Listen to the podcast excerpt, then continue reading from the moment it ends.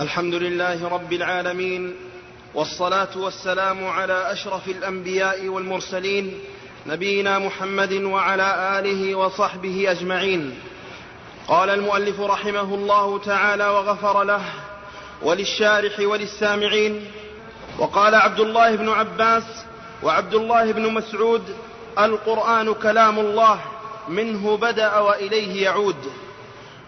وروي عن سفيان بن عيينة قال سمعت عمرو بن دينار يقول أدركت مشايخنا والناس منذ والناس منذ سبعين سنة يقولون القرآن كلام الله منه بدأ وإليه يعود. رواه محمد بن جرير بن يزيد الفقيه وهبة الله بن الحسن بن منصور الحافظ الطبريان في كتاب السنة لهما. وقد أدرك عمرو بن دينار أبا هريرة وابن عباس وابن عمر. بسم الله الرحمن الرحيم. الحمد لله رب العالمين والصلاة والسلام على إمام المرسلين نبينا محمد وعلى آله وأصحابه أجمعين. أما بعد فلا يزال كلام المصنف رحمه الله عن إثبات الكلام صفة لله عز وجل وأن القرآن الكريم كلام الله غير مخلوق. وأورد هنا ما يروى عن عبد الله بن عباس وعبد الله بن مسعود رضي الله عنهم. القرآن كلام الله منه بدا وإليه يعود. وهذه الكلمة تنقل عن السلف رحمهم الله بكثرة بل إنها محل محل إجماع بينهم. ودلائلها في كتاب الله عز وجل وسنة نبيه صلى الله عليه وسلم كثيرة. فالقرآن كلام الله منه بدأ وإليه يعود. منه بدأ أي أنه هو جل وعلا الذي تكلم به. القرآن خرج منه أي هو عز وجل تكلم به. ليس الذي تكلم به غيره وإنما الذي تكلم بالقرآن هو الله. وسمعه منه جبريل عليه السلام وبلغه إلى النبي صلى الله عليه وسلم وبلغه النبي صلوات الله وسلامه عليه إلى الأمة. فمعنى قول السلف منه بدأ أي هو تكلم به ابتداء. ومن سواه كجبريل والرسول عليه الصلاة والسلام وحمله القرآن من الأمة هم نقلة له. والكلام كلام من قاله ابتداء لا من نقله اداء. فقول السلف منه بدا أي هو الذي تكلم به ابتداء فهو كلامه سبحانه. وفي قولهم منه بدا رد على أهل البدع والضلال الذين يقولون إن الله عز وجل خلق الكلام في اللوح المحفوظ أو خلقه في جسم من الأجسام أي جسم كان. وأخذه منه جبريل. أخذه جبريل من اللوح أو أخذه من ذلك الجسم. وهذا باطل لأن معنى ذلك أن القرآن بدأ من اللوح أو من ذلك الجسم. خلق فيه فكان بدءه منه. وهذا ضلال وباطل. وجحد لأن القرآن كلام الله عز وجل. والسلف رحمهم الله والسلف رحمهم الله لما قالوا منه بدأ أرادوا إبطال قول المعتزلة وغيرهم أرادوا قول إبطال المعتزلة وغيرهم ممن ينكرون أن القرآن كلام الله عز وجل. فمنه بدأ أي هو الذي تكلم به ابتداء. وقولهم وإليه يعود أي القرآن يعود إلى الله. قد ذكر أهل العلم في معنى قول السلف إليه يعود معنيان.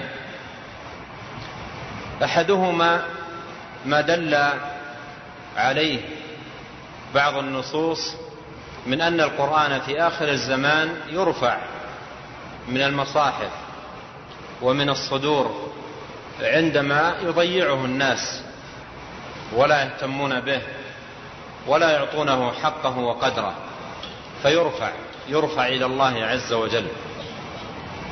فهذا عود في القرآن إليه يعود يعني إلى الله. وعلى هذا فقولهم إليه يعود أي في آخر الزمان عندما يرفع القرآن إلى الله تبارك وتعالى يرفع من السطور ومن الصدور.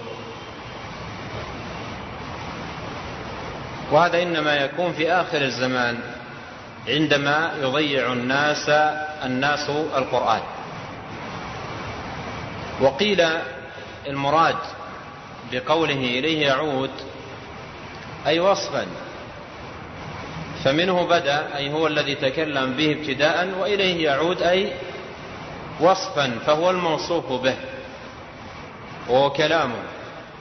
وهذا معنى قول السلف رحمهم الله الكلام كلام من قاله ابتداء لا من نقله أداء فالقرآن يعود إلى الله أي وصفا لأن الله عز وجل هو أي أن القرآن الذي نتلوه ونحفظه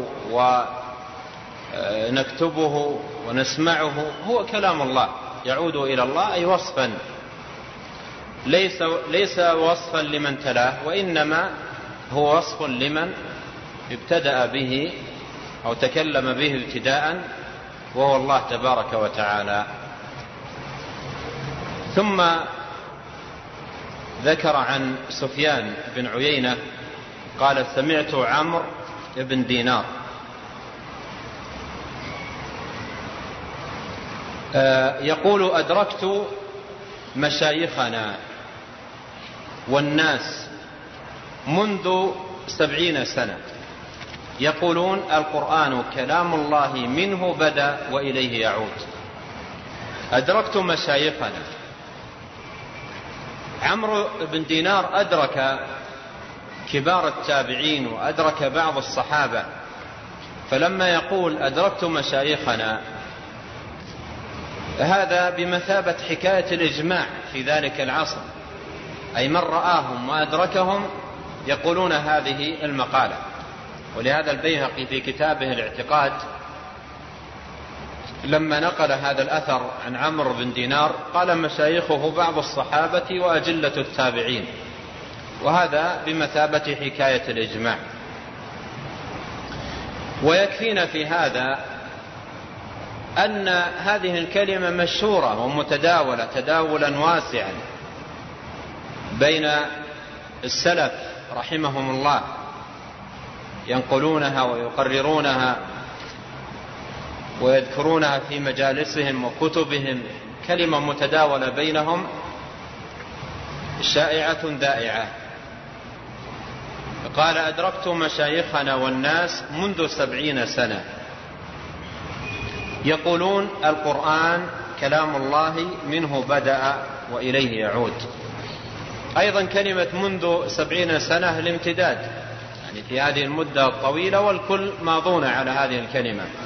وهذا كله يؤكد أنها كلمة مضى عليها السلف.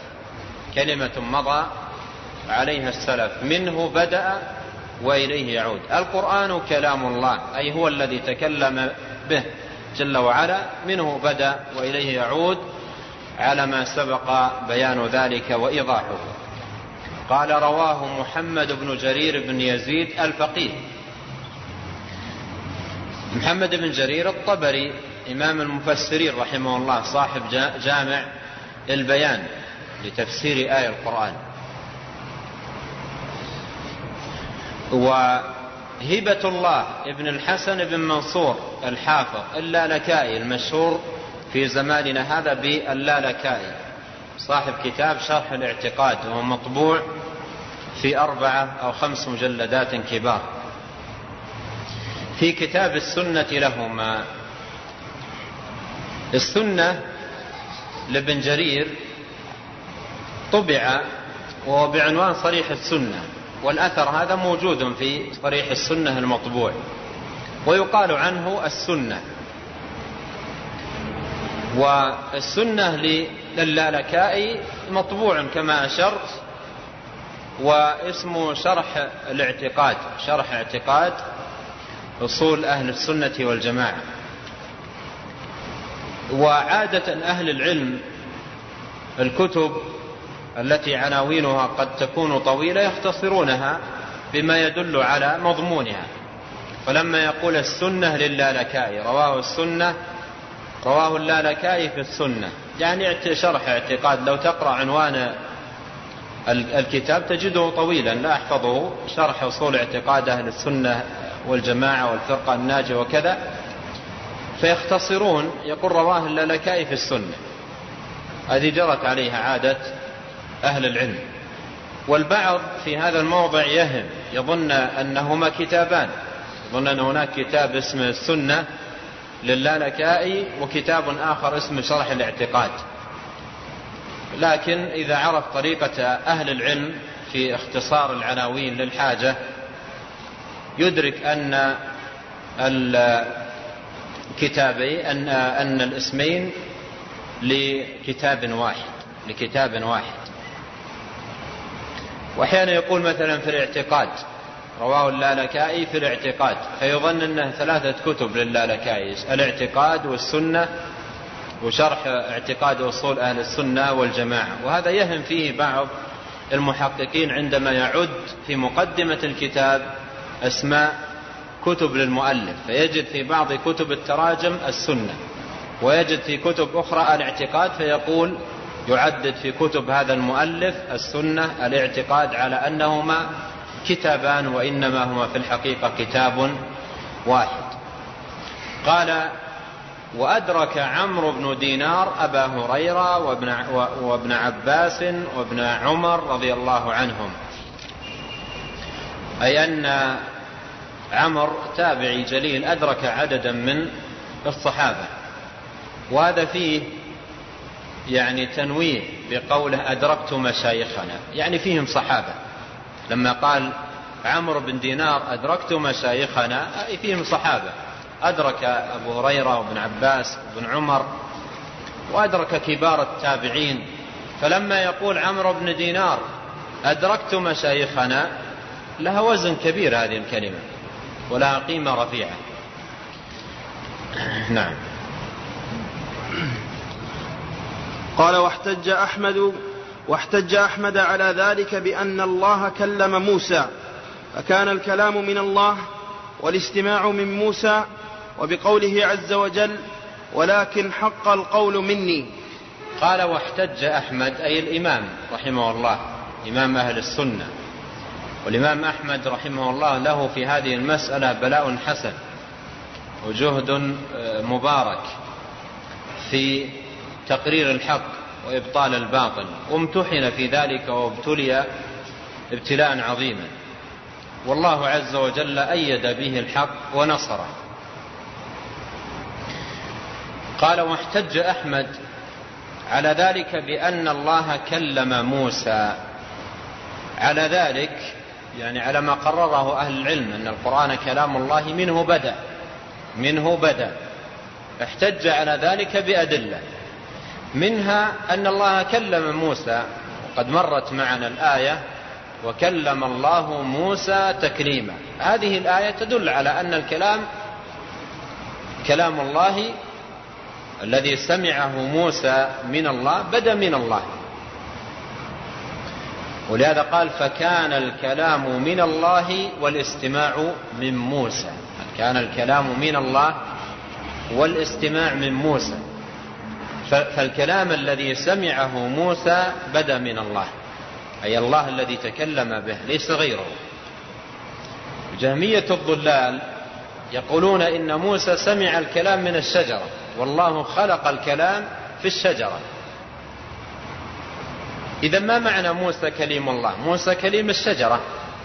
موسى كليم الشجرة وأي يعني آه، منقبة خص بها عندما كان على زعمهم إنما سمع الكلام من الشجرة والشجرة التي كلمته في كلمته بكلام خلقه الله فيها.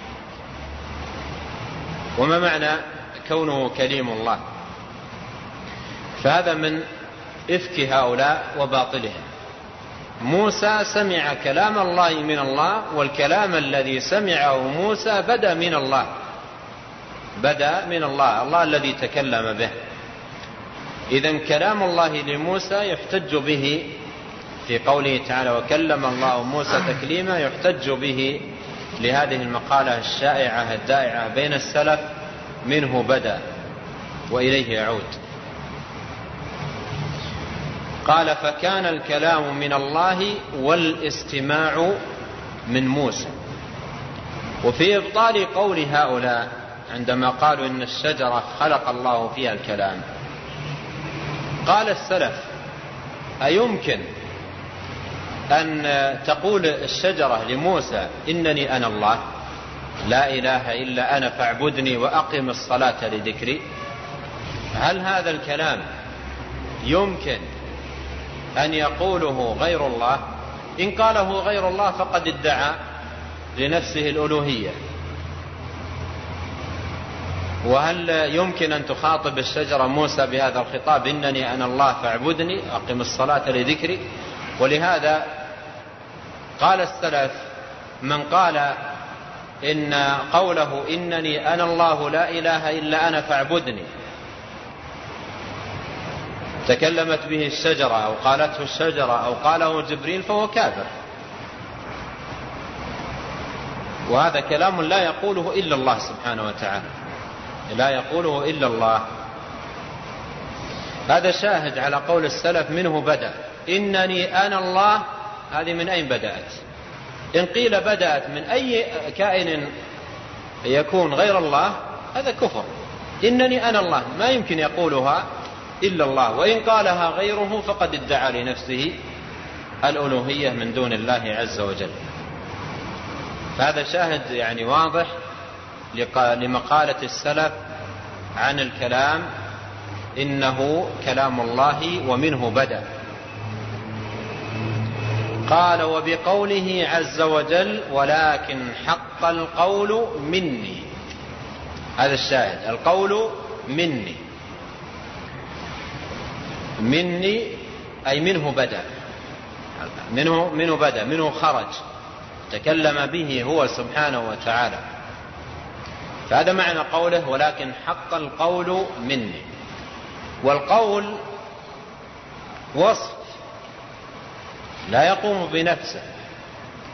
لا يقوم إلا بموصوف. وما يقال فيه من الله هو على نوعين. ما يقال فيه من الله هو على نوعين. أعيان قائمة بأنفسها. مثل قوله تبارك وتعالى وسخر لكم ما في السماوات وما في الأرض جميعا منه. ما في السماوات وما في الأرض من الله. ما في السماوات وما في الأرض أعيان ولا أوصاف؟ أعيان مخلوقات قائمة بأنفسها. فهي من الله ماذا؟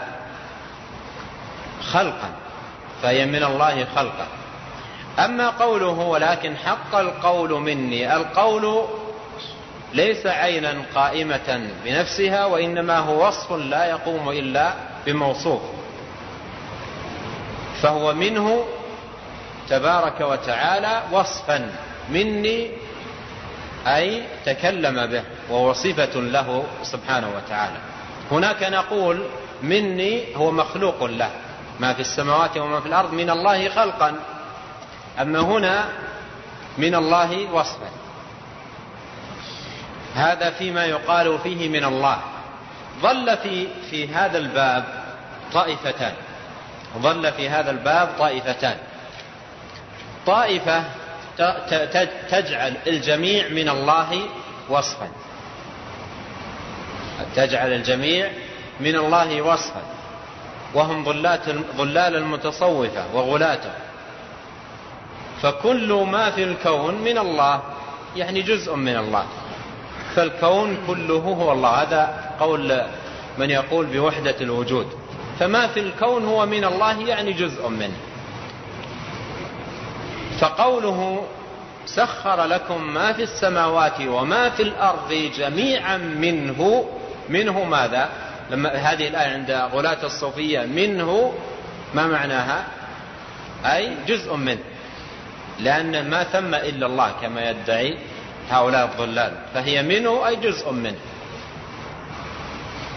وظلت طائفة أخرى في هذين النوعين فجعلت الجميع منه خلقا. وهم المعتزلة ومن؟ لف لفهم. فالمعتزلة يقولون في, في هذا الباب الكل منه خلقا. سخر لكم ما في السماوات وما في الأرض جميعا منه أي خلقا. ولكن حق القول مني أي خلقا. فيجعلون ذلك يجعلون هذه الآية دليل. إلا بموصوف فإضافته إلى الله تبارك وتعالى إضافة صفة. وعليه قول, قول الله تعالى ولكن حق القول مني ولكن حق القول مني القول من الله وصف. لأن القول آه، معنى أو وصف لا يقوم إلا بموصوف فهو من الله وصفا. وهذا آه، به يظهر استشهاد السلف رحمهم الله بهذه الآية على أن القرآن أو القول على أن القول من الله عز وجل آه، وصف له. وهو منه أي بدأ منه سبحانه وتعالى. ولكن حق القول مني لأملأن جهنم. ذكرت في الدرس الماضي أن القول المضاف إلى الله عز وجل قد يكون قولا كونيا قدريا. قد يكون قولا شرعيا دينيا. وهنا القول كوني قدري. ولكن حق القول مني لأملأن جهنم من الجنة والناس أجمعين. أي فيما قدره وقضاه سبحانه وتعالى كونا وقدرا. أن يملأ جهنم من الجنة والناس أجمعين. والقول الشرعي آه، آه، آه، مثل القرآن الكريم. ولما نقول قال الله تعالى في القرآن الكريم قال تعالى قولا شرعيا. فالقرآن قول شرعي وهو من كلماته تبارك وتعالى الشرعية. و وقوله حق القول مني لأملأن جهنم هذا قول كوني قدري قضاه سبحانه وتعالى وقدره. نعم. وروى الترمذي روى الترمذي من رواية خباب بن الأرت رضي الله عنه أن النبي صلى الله عليه وسلم قال إنكم لن تتقربوا إلى الله بأفضل مما خرج منه. هذا آه، كما ذكر من حقق الكتاب ليس موجودا في الترمذي وموجود عند البخاري رحمه الله في خلق أفعال العباد وعند الآجر في الشريعة وغيرهما عن خباب بن الأرت موقوفا عليه. عن خباب بن الأرت موقوفا عليه. وجاء في سنن الترمذي من رواية أبي أمامة ورواية جبير بن مطعم مرفوعا إلى النبي صلى الله عليه وسلم. ف أما ما يروى عن خباب فهو موقوف عليه. قال إنكم لن تتقربوا إلى الله بأفضل مما خرج منه. قوله مما خرج منه هذا شاهد لمقالة السلف رحمهم الله منه بدأ. قولهم منه بدأ هو بمثابة ما جاء في هذه الرواية خرج منه. فمعنى خرج منه أي منه بدأ. ومعنى ذلك أي أنه هو, هو سبحانه وتعالى الذي تكلم به ابتداء ليس غيره جل وعلا. نعم.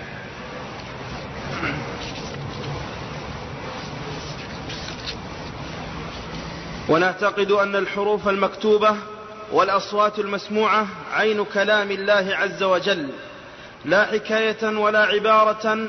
قال الله عز وجل ألف لام ميم ذلك الكتاب لا ريب فيه.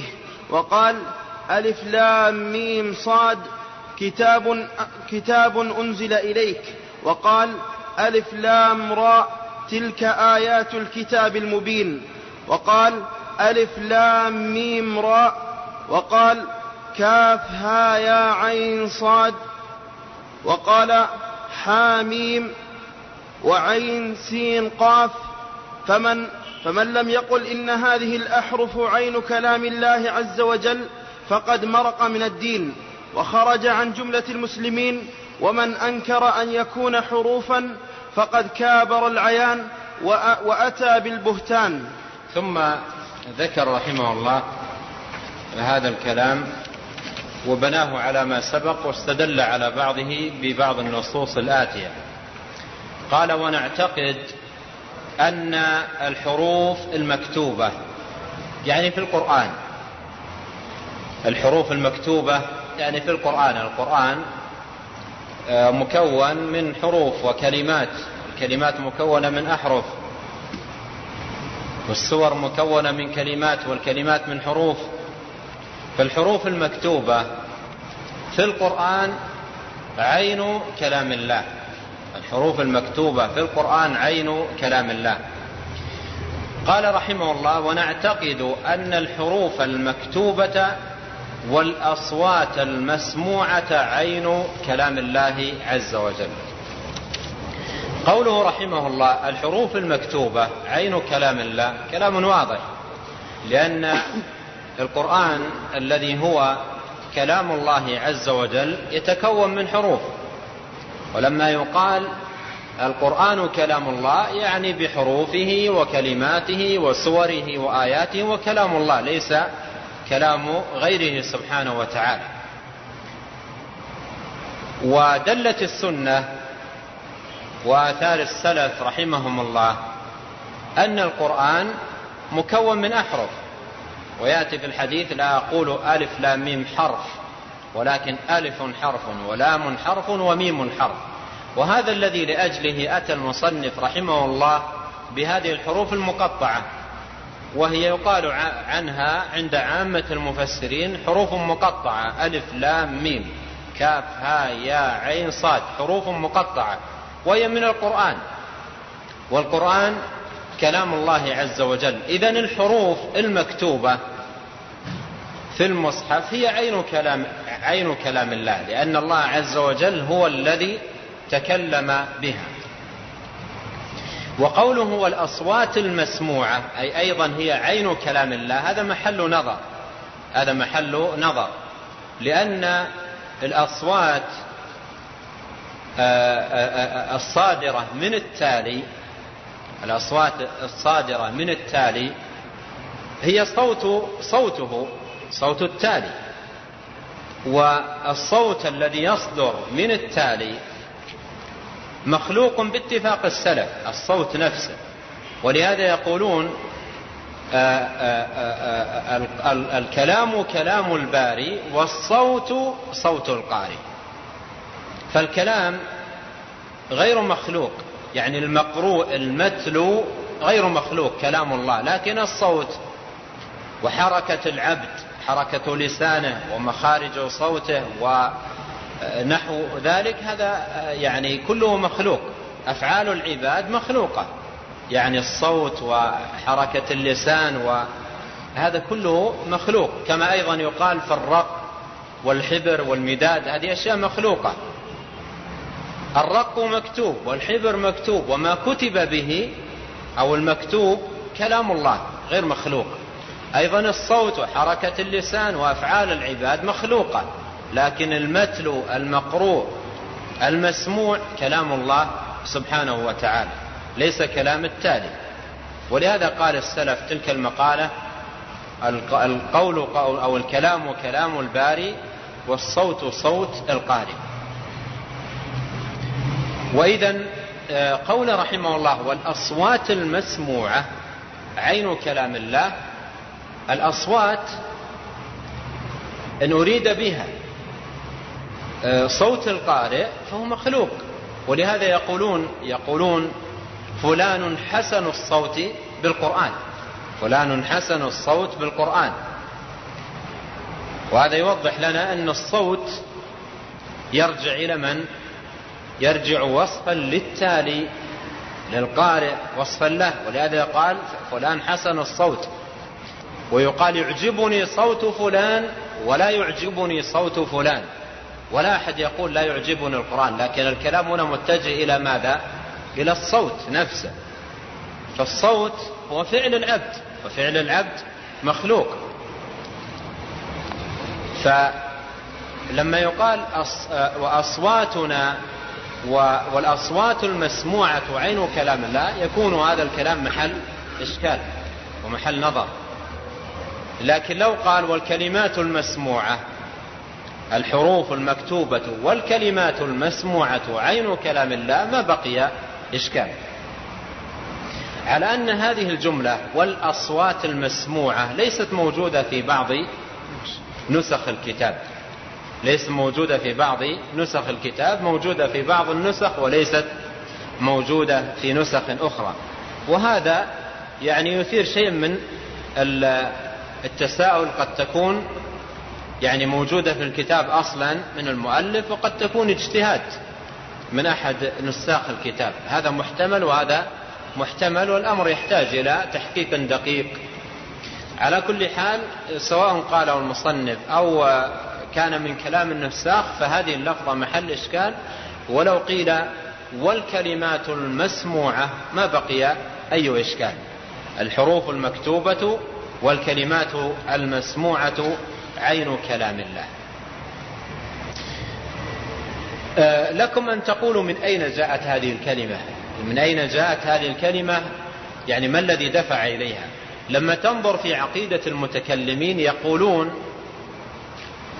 آه، كلام الله ليس بحرف ولا صوت.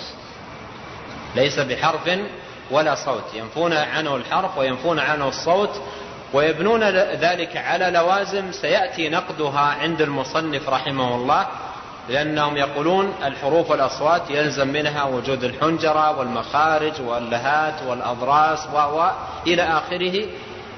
وإذا أثبتنا ذلك لله كان التشبيه. فينفون لأجل ذلك الحرف والصوت عن كلام الله سبحانه وتعالى. فالمصنف رحمه الله هو بصدد رد هذا الباطل. قال والحروف المكتوبة والأصوات المسموعة عين كلام الله.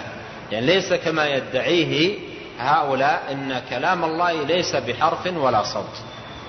لكن كما وضحت لكم الحروف المكتوبة هي عين كلام الله. والأصوات المسموعة عندما ننظر إلى المسألة بتدقيق آه، جبريل سمعه من الله بصوت من؟ صوت الله. سمعه من الله بصوت الله سبحانه وتعالى. ومحمد عليه الصلاة والسلام سمعه من جبريل بصوت من؟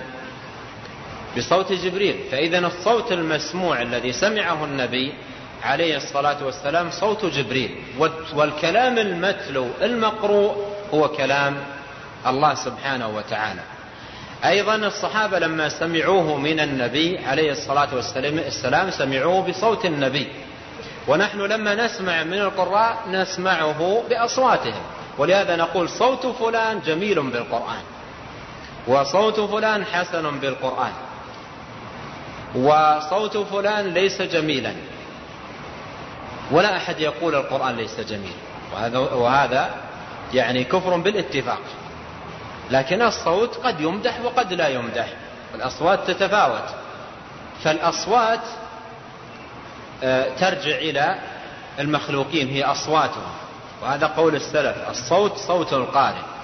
أما الكلام المتلو المقروء فهو كلام الله سبحانه وتعالى. فمن هنا جاءت يعني هذه الكلمة لرد آه، هذا الباطل. لكن نحن نرد هذا الباطل بأن نقول الحروف والأصوات حروف القرآن وأصواته التي سمعها جبريل من الله هي حروف القرآن هي كلام الله والصوت صوت الله. ونرد مقالة أولئك بأن أثبتنا أن القرآن بحرفه وصوته الذي سمعه جبريل من الله هو كلام الله عز وجل.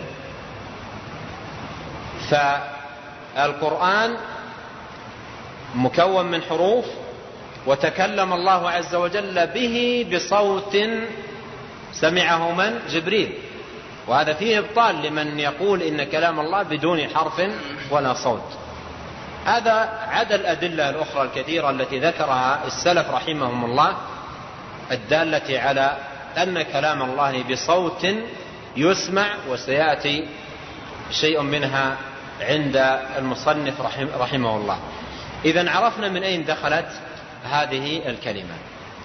آه، أنقل لكم هنا كلاما لشيخ الإسلام بن تيمية تجدونه في مجموع الفتاوى المجلد الثاني عشر الصفحة 573 قال رحمه الله وإن كان بعض من نصر السنة وإن كان بعض من نصر السنة ينفي الخلق عن أصوى عن الصوت المسموع. وإن كان بعض من نصر السنة ينفي الصوت ينفي الخلق عن الصوت المسموع من العبد بالقرآن. وهو مقدار ما يكون من القرآن المبلغ.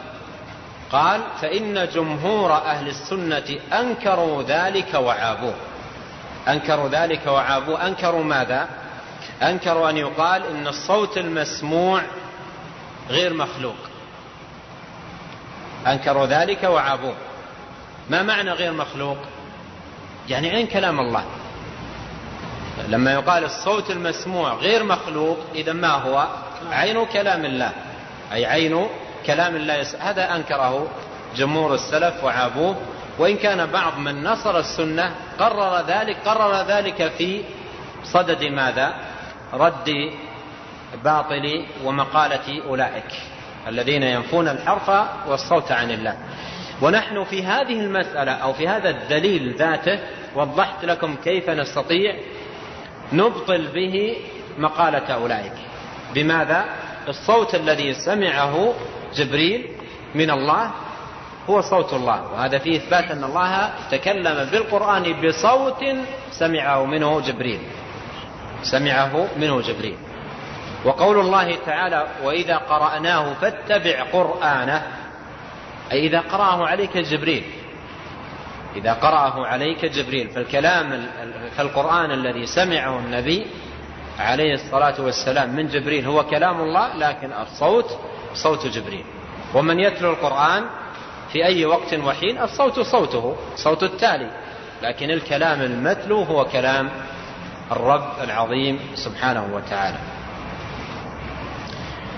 آه، كلام شيخ الإسلام قال بقية كلامه قال أما التلاوة نفسها التي حروف القرآن وألفاظه فهي غير مخلوقة. التلاوة نفسها التي حروف القرآن وألفاظه غير مخلوقة. أما الصوت فالصوت صوت القارئ والكلام كلام الباري آه، وفي الموضع الذي أحلت عليه تجدون قبله وبعده بسط عند شيخ الإسلام ابن تيمية رحمه الله يتعلق بهذه المسألة. قال آه، عين كلام الله عز وجل لا حكاية ولا عبارة. لا حكاية ولا عبارة. ليس القرآن حكاية عن كلام الله ولا عبارة عن كلام الله بل هو عين كلام الله سبحانه وتعالى الله هو الذي تكلم به. هنا المصنف رحمه الله يرد على آه، الكلابية ومن تأثر بهم من الأشاعرة والماتريدية وغيرهم ممن يجعلون القرآن حكاية أو عبارة عن كلام الله. وكلا القولين باطل وضلال سواء قيل إنه حكاية أو قيل إنه عبارة. أما القول بأنه حكاية فالحكاية ما هي؟ محاكاة الشيء محاكاة الشيء أن يؤتى بمثيل له. يقال حاكى فلان فلانا. لما يقال حاكى فلان فلانا أي أتى بشيء يماثل فعله. وهل لأحد آه، أن يحاكي القرآن؟ هل لأحد أن يحاكي القرآن أو يأتي بمثيل له؟ قل لئن اجتمعت الإنس والجن على أن يأتوا بمثل هذا القرآن لا يأتون بمثله ولو كان بعضهم لبعض ظهيرا. فكيف تكون الحكاية إذا فالحكاية القول بأنه حكاية عن كلام الله باطل والقول بأنه عبارة عن كلام الله أيضا باطل. لأن ما هي العبارة عن, عن الكلام؟ مثلا من لا يستطيع أن يفصح عن ما في نفسه من كلام فيفهم كلامه أو يفهم من يراه أو يرى إشارته كلاما فيتكلم بكلام يبين به عن مقصود هذا الذي أشار إشارته. نقول في هذا الكلام ماذا؟ عبارة عن كلام فلان. مثلا رجل أخرس. لا يستطيع أن يتكلم فأشر إشارات ففهمها. من أشر فقال يقول كذا وكذا. هذا عبارة عن عبر عن كلام من لا يحسن الكلام. فالقرآن ليس كلام الله عند هؤلاء بل هو عبارة عنه. من الذي عبر عنه؟ هنا تأتي أقوال لهم. بعضهم يقول عبر عنه جبريل وبعضهم يقول عبر عنه النبي عليه الصلاة والسلام إلى غير ذلك من أضاليل هؤلاء. فهذا باطل. هذا باطل. أن يقال في القرآن إنه عبارة عن كلام الله أو يقال إنه حكاية عن كلام الله. فالقرآن ليس عبارة عن كلام الله وليس حكاية عن كلام الله بل هو عين كلام الله سبحانه وتعالى. الله جل وعلا هو الذي تكلم به. آه هذا يعني في إشارة إلى بدعة آه, آه، الكلابية ومن تأثر بهم من الأشاعرة والماتريدية وقد أشرت إليها فيما سبق وهي تقسيمهم للكلام إلى قسمين كلام النفس وكلام لفظي الكلام اللفظي هو المكون من حروف وأصوات. وأمر ونهي وخبر وما إلى ذلك. فالله عز وجل عندهم لا يوصف بالكلام اللفظي. لماذا لا يوصف به؟ قالوا لأن الكلام اللفظي يحتاج إلى حنجرة ولهات ولسان. وإلى آخره. وهذا يلزم من التشبيه بزعمه. فالله عندهم لا يوصف إلا بالكلام النفسي. وأتوا بهذه البدعة التي ما سبقوا إليها أبدا. حتى كما قال بعض أهل العلم لا عند العقلاء ولا عند المجانين. ما سبقوا بها أبدا. أن يوصف آه، بما قام في النفس ولم يتكلم به صاحبه بأنه كلام. ولم يجدوا شاهدا على قولهم هذا إلا بيت, إلا, إلا بيت محرف. إن الكلام لفي الفؤاد وإنما جعل الفؤاد على اللسان دليلا. والبيت محرف ويقال إن قائله الأخطل النصراني. ولهذا عابهم أهل السنة عيبا شديدا. قالوا لهم ما وجدتم شاهدا على مقالتكم إلا بيت, إلا بيت لشاعر نصراني. والنصارى معروفون في خطئهم وباطلهم في كلام الله. تتركون الأحاديث الصحيحة والنصوص الصريحة وتحتجون بكلام هذا الشاعر النصراني. وفي هذا يقول شيخ الإسلام بن تيمية رحمه الله تبا لمن نبذ الكتاب وراءه وإذا استدل يقول قال الأخطل. وإذا استدل يقول قال الأخطل. القرآن والسنة والأحاديث الصحيحة والنصوص البينة كلها على جنب. والاستدلال يقول قال الأخطل. إن الكلام لفي الفؤاد وإنما جعل الفؤاد على اللسان دليلا.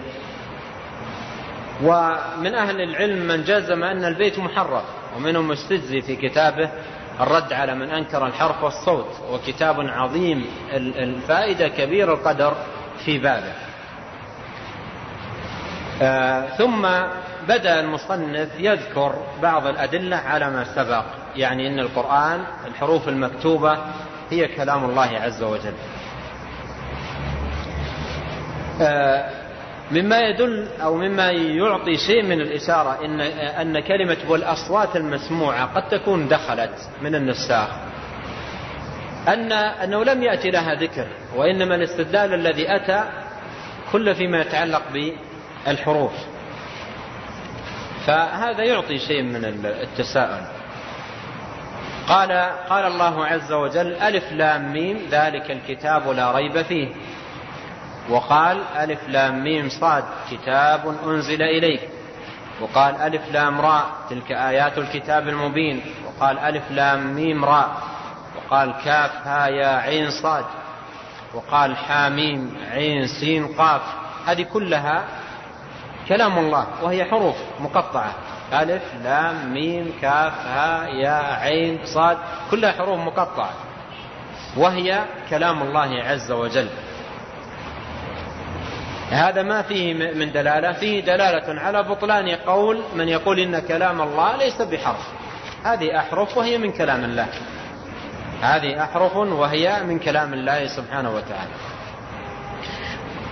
قال بعد ذكره لهذه الأدلة فمن لم يقل إن هذه الأحرف عين كلام الله عز وجل فقد مرق من الدين. يعني خرج من الدين وخرج عن جملة المسلمين.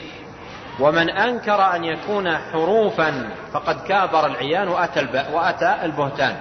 يعني من يرد عليهم هم بين أمرين.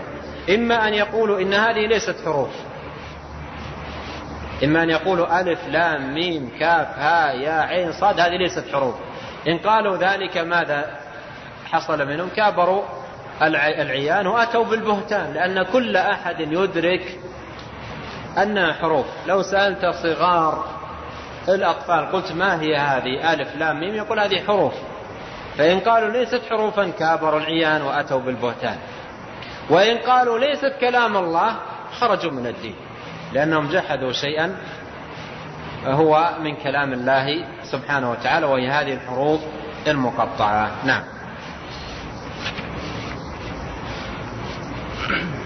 قال وروى الترمذي من طريق عبد الله بن مسعود رضي الله عنه عن رسول الله صلى الله عليه وآله وسلم أنه قال من قرأ حرفا من كتاب الله عز وجل فله عشر حسنات قال الترمذي هذا حديث صحيح ورواه غيره من الأئمة وفيه أما إني لا أقول ألف لام ميم حرف ولكن ألف حرف ولام حرف وميم حرف ثم أورد هذا الحديث حديث عبد الله بن مسعود رضي الله عنه ويروى عن النبي صلى الله عليه وسلم بأسانيد فيها ضعف لكن بعض أهل العلم قواه بمجموع طرقه.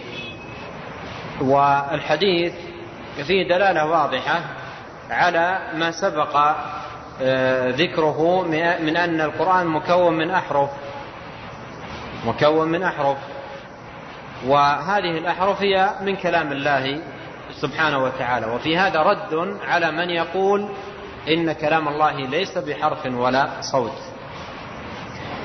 قال صلى الله عليه وسلم من قرأ حرفا من كتاب الله عز وجل فله عشر حسنات. حرفا من كتاب الله عز وجل فله عشر حسنات. آه، الحرف آه، يعني قوله من قرأ حرفا هذا فيه دليل على أن القرآن مكون من أحرف والقرآن كلام الله. من قرأ حرفا من كتاب الله عز وجل فله عشر حسنات. قال الترمذي هذا حديث صحيح. ورواه غيره من الأئمة وفيه يعني زيادة أما إني لا أقول ألف ألف لام ميم حرف ولكن ألف حرف ولام حرف وميم حرف. وهذا واضح. سواء ثبتت هذه الزيادة أو لم تثبت واضح أن ألف حرف ولام حرف وميم حرف. فهذه الأحرف الثلاثة على الحديث يعني على رواية مسعود فيها ثلاثين حسنة. فيها ثلاثين حسنة. من قرأ حرفا من كتاب الله عز وجل فله عشر حسنات. إذا ألف لام ميم فيها ثلاثين حسنة لأنها مكونة من ثلاثة أحرف. وهذه الأحرف الثلاثة من كلام الله ومن قال إنها ليست بأحرف فقد كابر ورد أمورا واضحة معلومة ومن أثبت إنها أحرف ونفى أنها من كلام الله فقد خرج من دين من من الدين لأنه جحد شيئا من كلام الله. نعم. وروى وروى يعلى بن مملك عن أم سلمة أنها نعتت قراءة رسول الله صلى الله عليه وآله وسلم فإذا هي تنعت قراءة مفسرة حرفا حرفا. رواه أبو داود وأبو عبد الرحمن وأبو عبد الرحمن النسائي وأبو عيسى الترمذي وقال حديث حسن صحيح غريب. ثم أورد هذا الحديث عن يعلى, عن يعلى ابن مملك على وزن جعفر مملك عن أم سلمة أنها نعتت قراءة رسول الله أي وصفت القراءة. وهذا فيه أن النعت يطلق ويراد به الوصف. أنها نعتت قراءة رسول الله صلى الله عليه وسلم فإذا هي تنعت قراءة مفسرة حرفا حرفا. أم سلمة وصفت قراءة الرسول. بمعنى نعتت أي وصفت. وصفت قراءة الرسول صلى الله عليه وسلم فإذا هي تصف قراءة مفسرة. حرفا حرفا. القراءة المفسرة يعني القراءة التي فيها ترسل وترتيل وتتبع للمعاني وتتبع للمعاني والدلالات. فإذا هي قراءة مفسرة حرفا حرفا. لاحظ قولها قراءة مفسرة. بعض الناس يقرأ القرآن ولا تكون قراءته مفسرة لأنه هو نفسه لا يتابع أثناء القراءة المعاني والدلالات. وبعض الناس يقرأ ويقف عند أماكن الوقوف المناسبة. ولما يقف عند أماكن الوقوف المناسبة كأنه فسر لك الآية ووضح لك معناها فبعض الوقوفات التي يأتي بها من يقرأ قراءة مفسرة تفسر لك المعنى وتوضحه.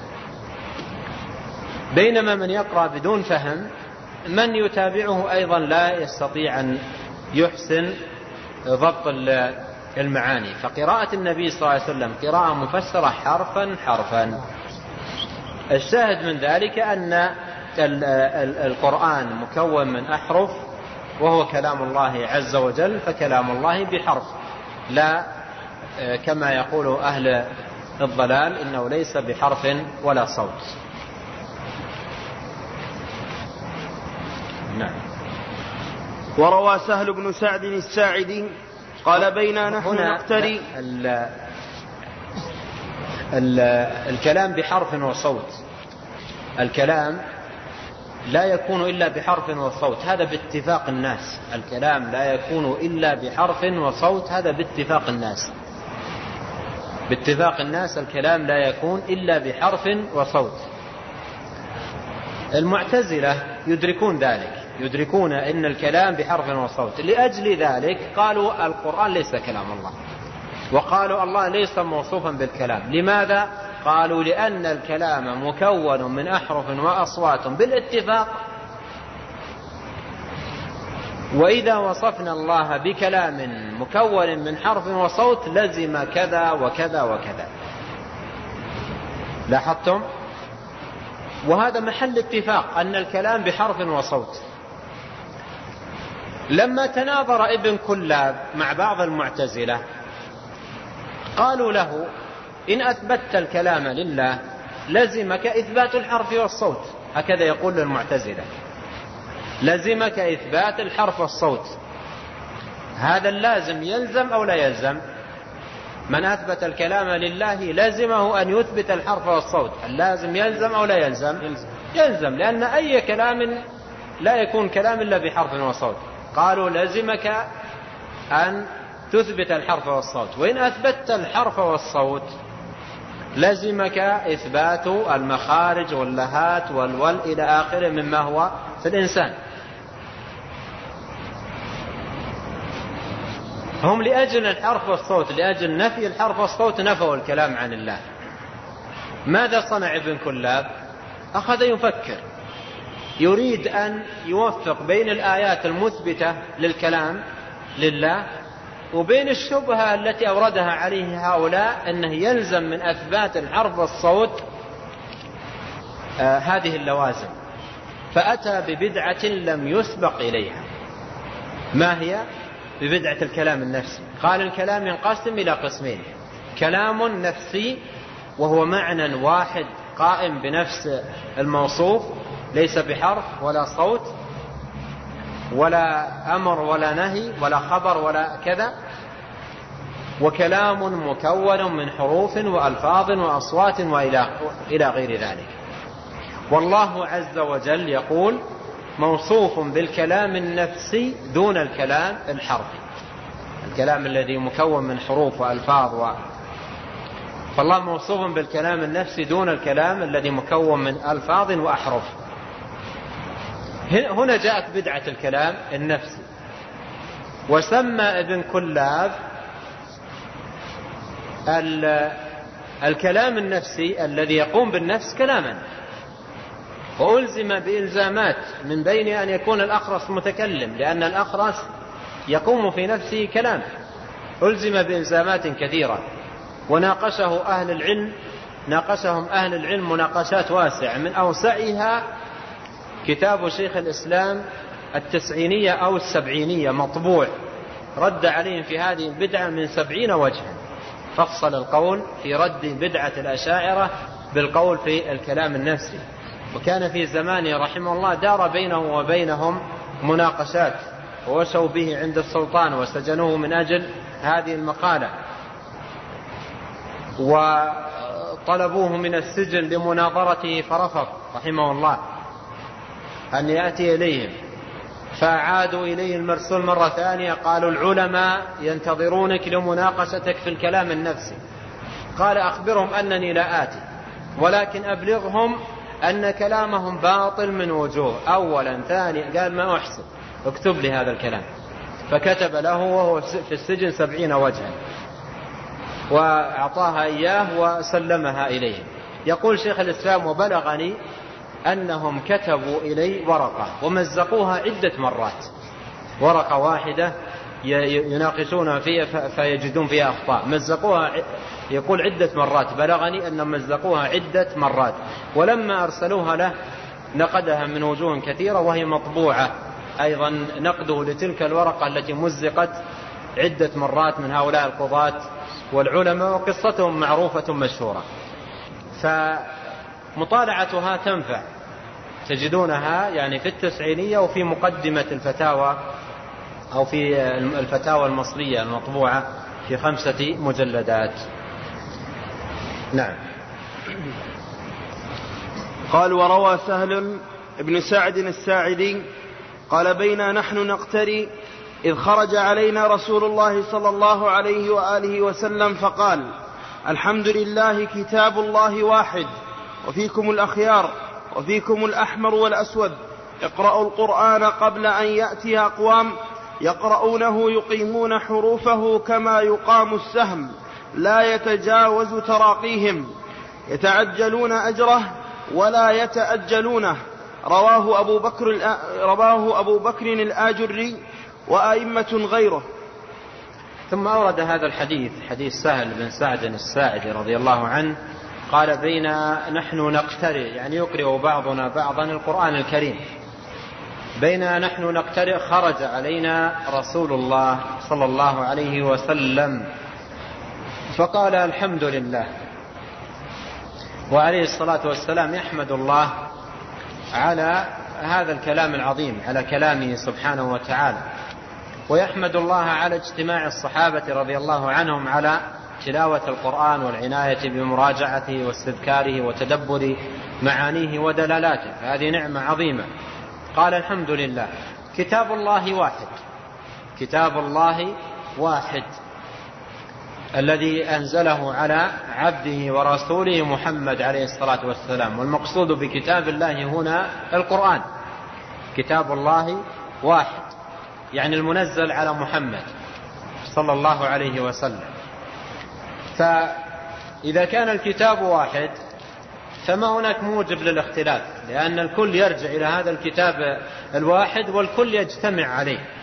ولهذا لا يمكن أن تجتمع أمة الإسلام إلا على القرآن والسنة. وهذا معنى قول الله تعالى واعتصموا بحبل الله جميعا ولا تفرقوا فكتاب الله واحد لماذا يختلف الناس؟ والناس مطالبون أن يرجعوا إليه. فلما يرجع الجميع إلى هذا الكتاب الواحد ويعولون عليه يكون أمرهم واحدا وكلمتهم واحدة متفقة. ولأجل ذلك ترى عقيدة أهل السنة والجماعة من أول التاريخ إلى آخره على اختلاف الأزمان والألسن والأمكنة والبقاع. عقيدة واحدة. ما تجد بينهم اختلاف. السبب أنها مأخوذة من كتاب واحد. أما الذين تنوعت مصادرهم في العقيدة اختلفت عقائدهم. فقوله كتاب الله واحد هذا فيه هذه الفائدة وهو أن أنه ما يمكن أن يكون خلاف إذا عاد الجميع إلى هذا الكتاب الواحد واجتمعوا عليه واعتصموا به. قال وفيكم الأخيار وفيكم الأحمر والأسود قوله وفيكم الأحمر والأسود يوضحه ما جاء في رواية أخرى للحديث فيكم العربي والعجم. فالأحمر والأسود يعني عرب وعجم أصناف. الناس أصناف. فيهم عجم وفيهم عرب فيهم أسود وفيهم أبيض لكن الكتاب واحد والمطلوب من الجميع. يعني جميع الناس باختلاف ألوانهم ألسنتهم أجناسهم بلدانهم. الجميع مطلوب منهم أن يرجعوا إلى هذا الكتاب الواحد الذي هو كلام الله عز وجل. آه قال اقرأوا القرآن. اقرأوا القرآن قبل أن يأتي أقوام يقرؤونه يقيمون حروفه كما يقام السهم لا يتجاوز تراقيهم يتعجلون أجره ولا يتأجلونه. اقرأوا القرآن. أي قراءة بتدبر وتفهم وعمل بما يدل عليه القرآن الكريم. وعلى هذا مضى السلف الصحابة ومن اتبعهم بإحسان. يقرؤونه قراءة فيها الحفظ وفيها الفهم وفيها العمل بالقرآن الكريم. وهذا معنى قوله تعالى الذين يتلونه حق تلاوته. لأن تلاوة القرآن حق التلاوة تتضمن هذه الأمور الثلاثة الحفظ والفهم والعمل. ومعنى تلا فلان فلانا أي تبعه. فالتلاوة الحقة إنما تكون بالفهم والعمل. فإلى هذا أرشد عليه الصلاة والسلام أن يكون أن تكون الحال مع القرآن. قبل أن يأتي أقوام يقرؤونه ما نوع قراءتهم؟ يقرؤونه يقيمون حروفه. يقيمون حروفه. يعني يجودون ألفاظه ويحسنون في ترتيله وفي تجويده وفي ضبط مخارجه. يعتنون بهذا الجانب. يقيمون حروفه كما يقام السهم. كما يقام السهم. والسهم معروف. الذي يرمى به ويوجه إلى الرمية مكان الإصابة يقيمونه كإقامة السهم يعني في دقة آه، متناهية وضبط متقن. كما يقام السهم. لا يتجاوز تراقيهم يعني حناجرة يعني حد حد حظ من القرآن الحنجرة تزيين الحنجرة بالقرآن وضبط الأحرف والمخارج وما إلى ذلك. هذا حد أما القلب والتعقل والتفهم والعمل وهذه الجوانب فهذه لا يقيمون لها وزن. ويأتي معنا في قول الحسن يقول القرآن يقول أحدهم قرأت القرآن كله ولم أسقط منه حرفا. وقد أسقطه والله كله. لا يرى عليه القرآن لا في خلق ولا عمل. يقول أحدهم قرأت القرآن ولم أسقط منه حرفا. هو نعم لم يسقط منه حرفا من حيث القراءة. يعني بقراءة متقنة مرتلة مجودة. يقول وقد أسقطهم الله كله لأن القرآن لا يرى عليه لا في خلق ولا عمل. ولهذا بعض يعني من يوصفون بالقراء ممن يعتنون بهذا الجانب الترتيل والتجويد ولا يقيمون وزن للعمل بالقرآن. ترى بعضهم متهاون بالصلاة وترى بعضهم متهاون في كثير من الواجبات وترى بعضهم يفعل أمورا هي استخفاف بالقرآن. وأشياء يعني منكرة وبشعة أحد هؤلاء ولا أسميه مرة افتتح أغنية لإحدى المغنيات بآيات من القرآن الكريم. هذا لا يرى عليه القرآن لا في خلق ولا عمل.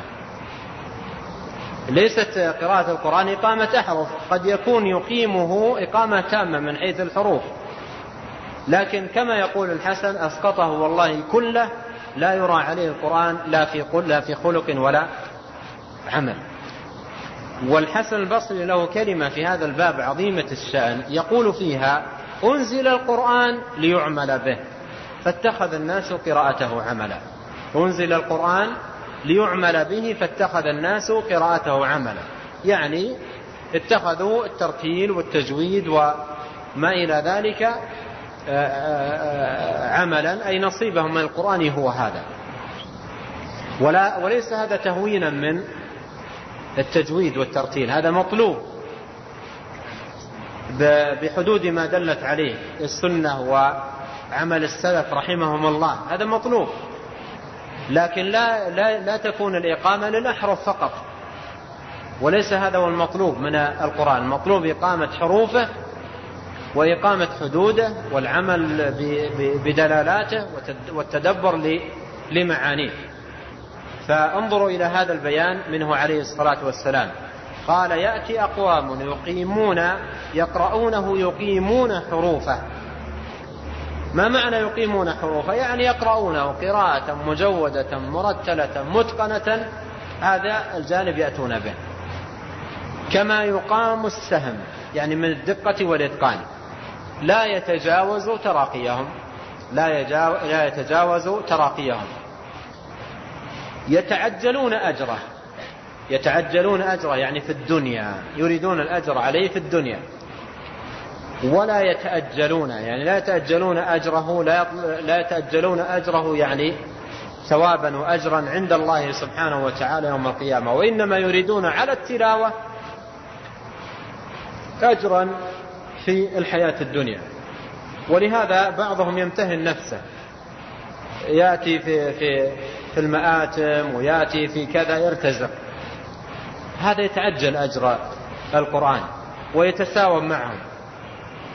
سورة البقرة بكذا أقرأها لكم. تريدون أقرأ عليكم القرآن كامل بكذا. يتساوم ويتفاصلون. ثم يقرأ لهم المقدار الذي حدده. وإذا طلبوا زيادة يطلب منهم أيضا الزيادة. فما أصبحت القراءة إيش يتعجل أجره. يتعجل أجره ولا ولا يتأجلونه.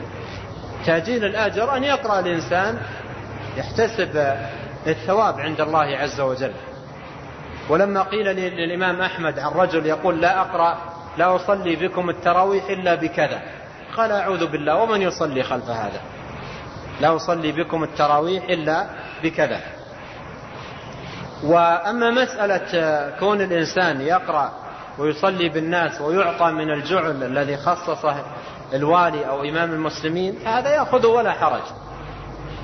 لكن الكلام في من يرتزق بالقرآن ويتعجل أجر القرآن ويساوم به وما إلى ذلك. قال يتعجلون أجره ولا يتأجلونه رواه أبو بكر الآجري. رواه في كتاب عظيم له مطبوع. أنصح بقراءته والعناية به. فريد في بابه وهو كتاب أخلاق حملة القرآن. أخلاق حملة القرآن. رواه أبو بكر الآجري وأئمة غيره. فهذا الحديث إسناده فيه ضعف لكن له شاهد عند أبي داود من حديث جابر بن عبد الله رضي الله عنهما يتقوى به. ولهذا أورده الشيخ الألباني رحمه الله في سلسلته الصحيحة في المجلد الأول. نعم.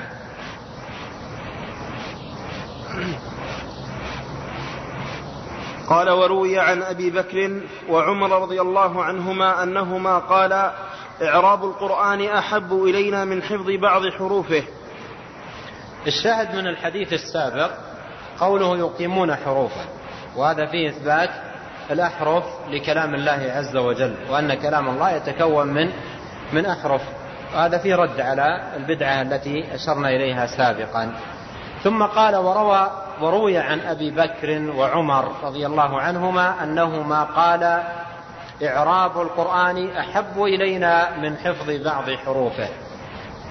آه قوله وروي هذه صيغة تمريض وهذا إسناده فيه ضعف. لم يثبت عن أبي بكر وعمر رضي الله عنهما. قال إعراب القرآن. الإعراب في اللغة هو الإفصاح. الإفصاح عن الشيء والإبانة. أعرب عنه أي أبان عنه وأفصحه ومعنى, قو... ومعنى هذا القول إعراب القرآن أحب إلينا أي أن نفهمه ونتدبره ونتعقل معانيه ونعرف دلالاته ونعمل بمقتضاه. أحب إلينا من حفظ بعض حروفه. لأن يعني حفظ بعض الحروف بدون تعقل ما حقق مقصد القرآن. لأن مقصود القرآن أن يعمل به. مقصود القرآن أن يعمل به. إنما أنزل القرآن ليعمل به.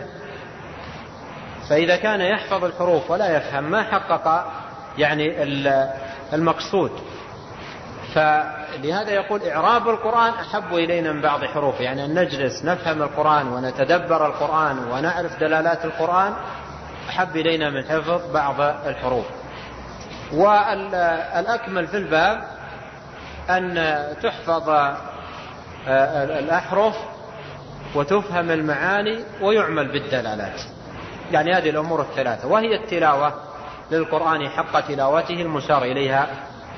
في قول يتلونه حق تلاوته يعني يحفظون حروفه ويفهمون معانيه ويعملون بدلالاته كما ذكر ذلك ابن القيم رحمه الله. نعم. لعلكم تصبرون علينا اليوم نكمل ما يتعلق بالكلام. وروى أبو عبيد أقول ما بقي كثيرا نكمل إن شاء الله. وروى أبو عبيد في فضائل القرآن بإسناده. قال سئل علي رضي الله عنه عن الجنب. يقرأ القرآن؟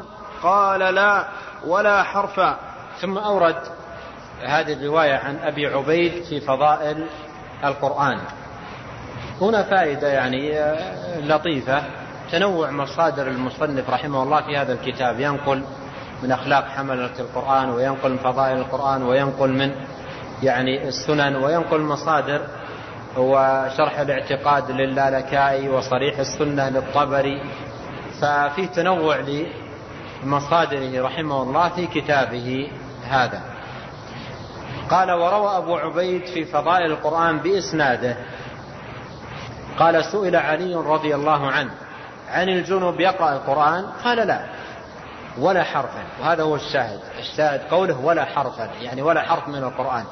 وهذا فيه دلالة على أن القرآن مكون من أحرف خلافا لمن ينكر أن كلام الله عز وجل ليس بحرف. نعم. وقال عبد الله بن مسعود رضي الله عنه من كفر بحرف منه يعني القرآن فقد كفر به أجمع. قال وقال عبد الله بن مسعود رضي الله عنه من كفر بحرف من منه يعني القرآن فقد كفر به أجمع. القرآن كله كلام الله. والإيمان ببعضه يقتضي الإيمان بباقيه. والكفر ببعضه كفر بباقيه.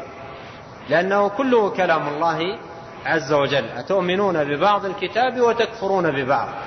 فجحد بعض القرآن أو الكفر ببعض القرآن كفر بالقرآن أجمع. وهذا واضح. لأن القرآن كله كلام الله. ومن كفر بشيء من كلام الله كفر بكلام الله. ومن كفر بشيء من القرآن كفر بالقرآن. من قال من جحد آه، أن قل هو الله أحد ليست من القرآن كافر بالقرآن. ومن جحد حرفا من القرآن فهو كافر بالقرآن. وهذا المعنى واضح. أما إذا كان يعني عن اشتباه أو التباس أو نحو ذلك فالشبهة تزال وتبين. لكن من حيث الحكم من كفر بحرف من كلام الله عز وجل فهو كافر بالقرآن نعم. وقال أيضا من حلف بسورة البقرة فعليه بكل حرف يمين.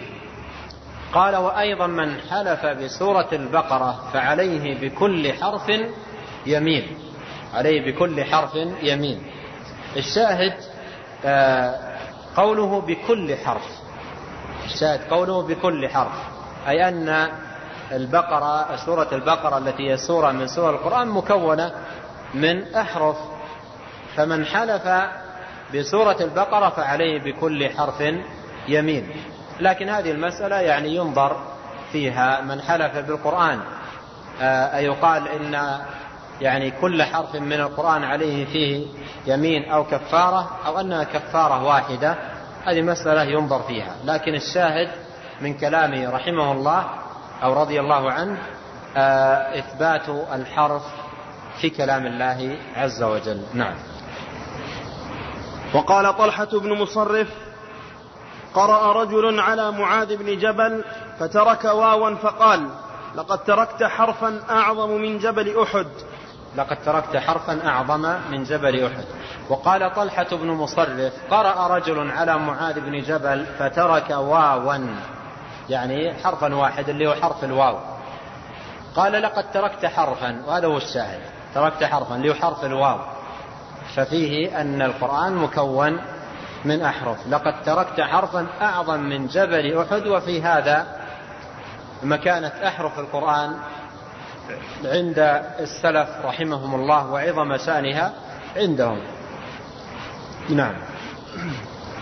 وقال الحسن البصري في كلام له قال الله عز وجل كتاب أنزلناه إليك مباركا ليدبروا آياته مبارك ليدبروا آياته وما تدبر آياته إلا اتباعه. أما والله ما هو بحفظ حروفه وإضاعة حدوده حتى إن أحدهم ليقول قد قرأت القرآن كله فما, فما أسقطت منه حرفا وقد أسقطه والله كله. ثم أورد هذا الأثر وحقيقة عظيم النفع كبير الفائدة عن الإمام الجليل الحسن البصري رحمه الله. في كلام الله يعني أنه لم يذكر كلامه كاملا وإنما اجتزأ منه هذا. عن قوله تعالى كتاب أنزلناه إليك مبارك ليدبروا آياته. الآية الكريمة فيها توضيح للغاية من إنزال القرآن أن تتدبر آياته وتفهم وتعقل معاني ويعمل بمقتضاه. لأجل ذلك أنزل القرآن. أنزلناه إليك مبارك لماذا؟ ليدبروا آياته. الحسن يوضح ذلك. يقول وما تدبر آياته إلا اتباعه. وما تدبر آياته إلا اتباعه يعني أن يفهم المعنى وأن يعمل به. بهذا يكون الإنسان متدبرا. تاليا للقرآن حق التلاوة. وما تدبر آياته إلا اتباعه. أما والله ما هو بحفظ حروفه وإضاعة حدوده. ليس تدبر آيات القرآن بحفظ حروفه وإضاعة حدوده. وهذا شاهدوه في الحديث المتقدم الذي ساقه أو ورده المصنف رحمه الله. ما هو بحفظ حروفه وإضاعة حدوده؟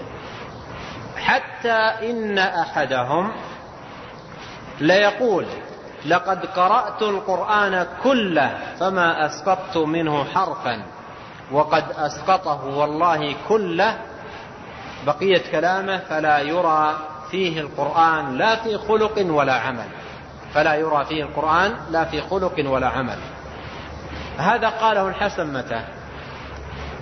ويحكي نوعا من القراء سمع بهم أو رآهم.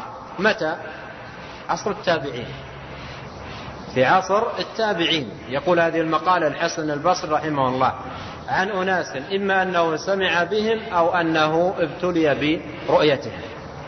يقول أحدهم قرأت القرآن فلم أسقط منه حرفا.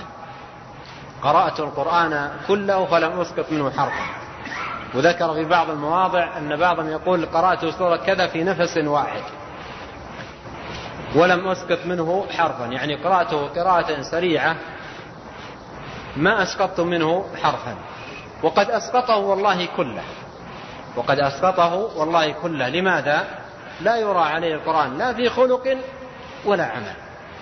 يعني ليست أخلاقه أخلاق القرآن ولا أعماله أعمال القرآن. آه هذا يقوله في أناس في زمان في, في, في, في قرن أو في زمان التابعين فماذا يقال؟ أو ما عسى أن يقال في مثل هذا الزمان. ويضم إلى هذا كلمته الأخرى وهي جميلة ذكرتها لكم. يقول أنزل القرآن ليعمل به فاتخذ الناس قراءته عملا. الشاهد من هذا الأثر ما هو ما هو بحفظ حروفه إثبات الحرف. نعم. وقال عبد الله بن المبارك من كفر بحرف من القرآن فقد كفر بالقرآن ومن قال لا أؤمن بهذه اللام فقد كفر. وقال عبد الله بن المبارك من كفر بحرف من القرآن فقد كفر. وهذا نظير ما ما سبق في أثر ابن مسعود رضي الله عنه. ومن قال لا, لا أؤمن بهذه اللام. وفي بعض المصادر بهذا الكلام. فقد كفر. يعني إن جحد حرفا أو إن جحد كلاما من القرآن فإنه يكفر بذلك. الشاهد قوله بحرف من القرآن. نعم. وروى عبد الله بن أنيس رضي الله عنه قال سمعت رسول الله صلى الله عليه وآله وسلم يقول يحشر الناس يوم القيامة وأشار بيده إلى الشام عراة غرلا بهما قال قلت ما بهما قال ليس معهم شيء. فيناديهم بصوت يسمعه من بعد كما يسمعه من قرب. أنا الملك أنا الديان. لا ينبغي لأحد من أهل الجنة أن يدخل الجنة. وأحد من, وأحد من أهل النار يطلبه بمظلمة. ولا ينبغي لأحد من أهل النار أن يدخل النار. وأحد, وأحد من أهل الجنة يطلبه بمظلمة حتى أقصه منه حتى أقصه, أقصه منه. قالوا وكيف وإنما نأتي الله عراة غرلا بهما؟ قال بالحسنات والسيئات. رواه أحمد وجماعة من الأئمة. آه لعلنا نكتفي بهذا والله تعالى أعلم. وصلى الله وسلم على نبينا محمد وعلى آله وأصحابه أجمعين. يقول السائل أشكل علي يا فضيلة الشيخ ما ذكرتم قاعدة في الدرس الماضي. كل عقيدة كل عقيدة تؤمن بها ينبغي أن تورث أن تورث فيك عملا. وذكرتم ضعف العبادة عند بعض أئمة أهل البدع.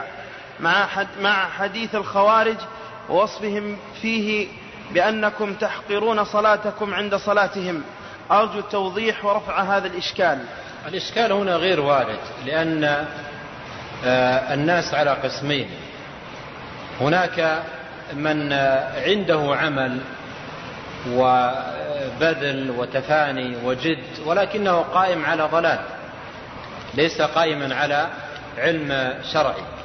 وهناك أناس آخرون عندهم علم وقد يكون آه، في كثير من جوانبه صحيحا لكنه لا يؤثر فيهم عملا. والصراط المستقيم الذي ندب الله عز وجل إليه ومدح أهله الذين هم المنعم عليهم هم الذين جمعوا بين العلم والعمل. أي أن علمهم يؤثر فيهم عملا. والتوحيد له جانبان. جانب علمي وجانب عملي وكلا الأمرين مطلوب. فوجود يعني أعمال عند بعض الطوائف أو بعض الناس وكثرة فيها ولا تكون مبنية على اعتقاد صحيح هذا يوجد يوجد. لكن ما ذكرته في القاعدة الماضية هو ينصب على من اشتغل بأمور نظرية وفلسفات عقلية وتصورات وهمية يبني عليها دينه فأثر فيها يعني أثر فيه ذلك التقرير الفاسد شؤما في عمله كما وضحت ذلك ببعض الأمثلة في تلك الكلمة الماضية. فالإشكال غير وارد. نعم. جزاكم الله خيرا يقول يقول السائل هل هل الحفاظ الذين يشتركون في مسابقة حفظ القرآن يدخلون في ضمن من يتعجلون الأجر؟ لا ذكرت فيما سبق أن ال ال الأشياء التي تجعل من ولي الأمر أو من ينيبه أو الجمعيات الخيرية للتنافس على يعني حفظ القرآن والعناية به وتدبره وتشجيع الصغار على ذلك فإذا أخذ منها لا بأس لا بأس بذلك لا بأس أن يأخذ لكن لا, لا, لا تكون هي غايته. ولهذا ينبغي أن يربى هؤلاء وينشؤون على طلب الأجر في قراءة القرآن من الله الصغار ينشؤون على ذلك. وإذا حصلوا على مكافآت أو تشجيع أو دخلوا في بعض المنافسات هذا إن شاء الله لا حرج فيه. يقول السائل ما هو الفرق بين قول القائل لفظي بالقرآن مخلوق وصوت القارئ بالقرآن مخلوق؟ اللفظ بالقرآن مخلوق يعني هذه المقالة هي عند السلف بدعة ما تقال. ما يقال لفظي بالقرآن مخلوق ولا يقال أيضا لفظي بالقرآن غير مخلوق. كلاهما يعني باطل. لماذا؟ لأن اللفظ يحتمل شيئين. يحتمل آه، آه، فعل القارئ. يحتمل فعل القارئ ويحتمل المقروء الملفوظ المتلو. ولهذا عندما يقال لفظي بالقرآن مخلوق أو يقال لفظي بالقرآن غير مخلوق كلتا المقالتين بدعة وليست من كلام السلف رحمهم الله. لأن إن قال لفظي بالقرآن مخلوق فيدخل تحت قول لفظي بالقرآن مخلوق الملفوظ المقروء المتلو وهو غير مخلوق هو كلام الله سبحانه وتعالى. ومن يقول لفظي بالقرآن غير مخلوق يدخل في اللفظ فعل العبد وفعل العبد وصوته مخلوق. وأما صوتي بالقرآن الصوت صوت القارئ والصوت مخلوق. أما الكلام المتلو المقروء فهو كلام الله سبحانه وتعالى وليس مخلوقا. والله تعالى أعلم وصلى الله وسلم على نبينا محمد.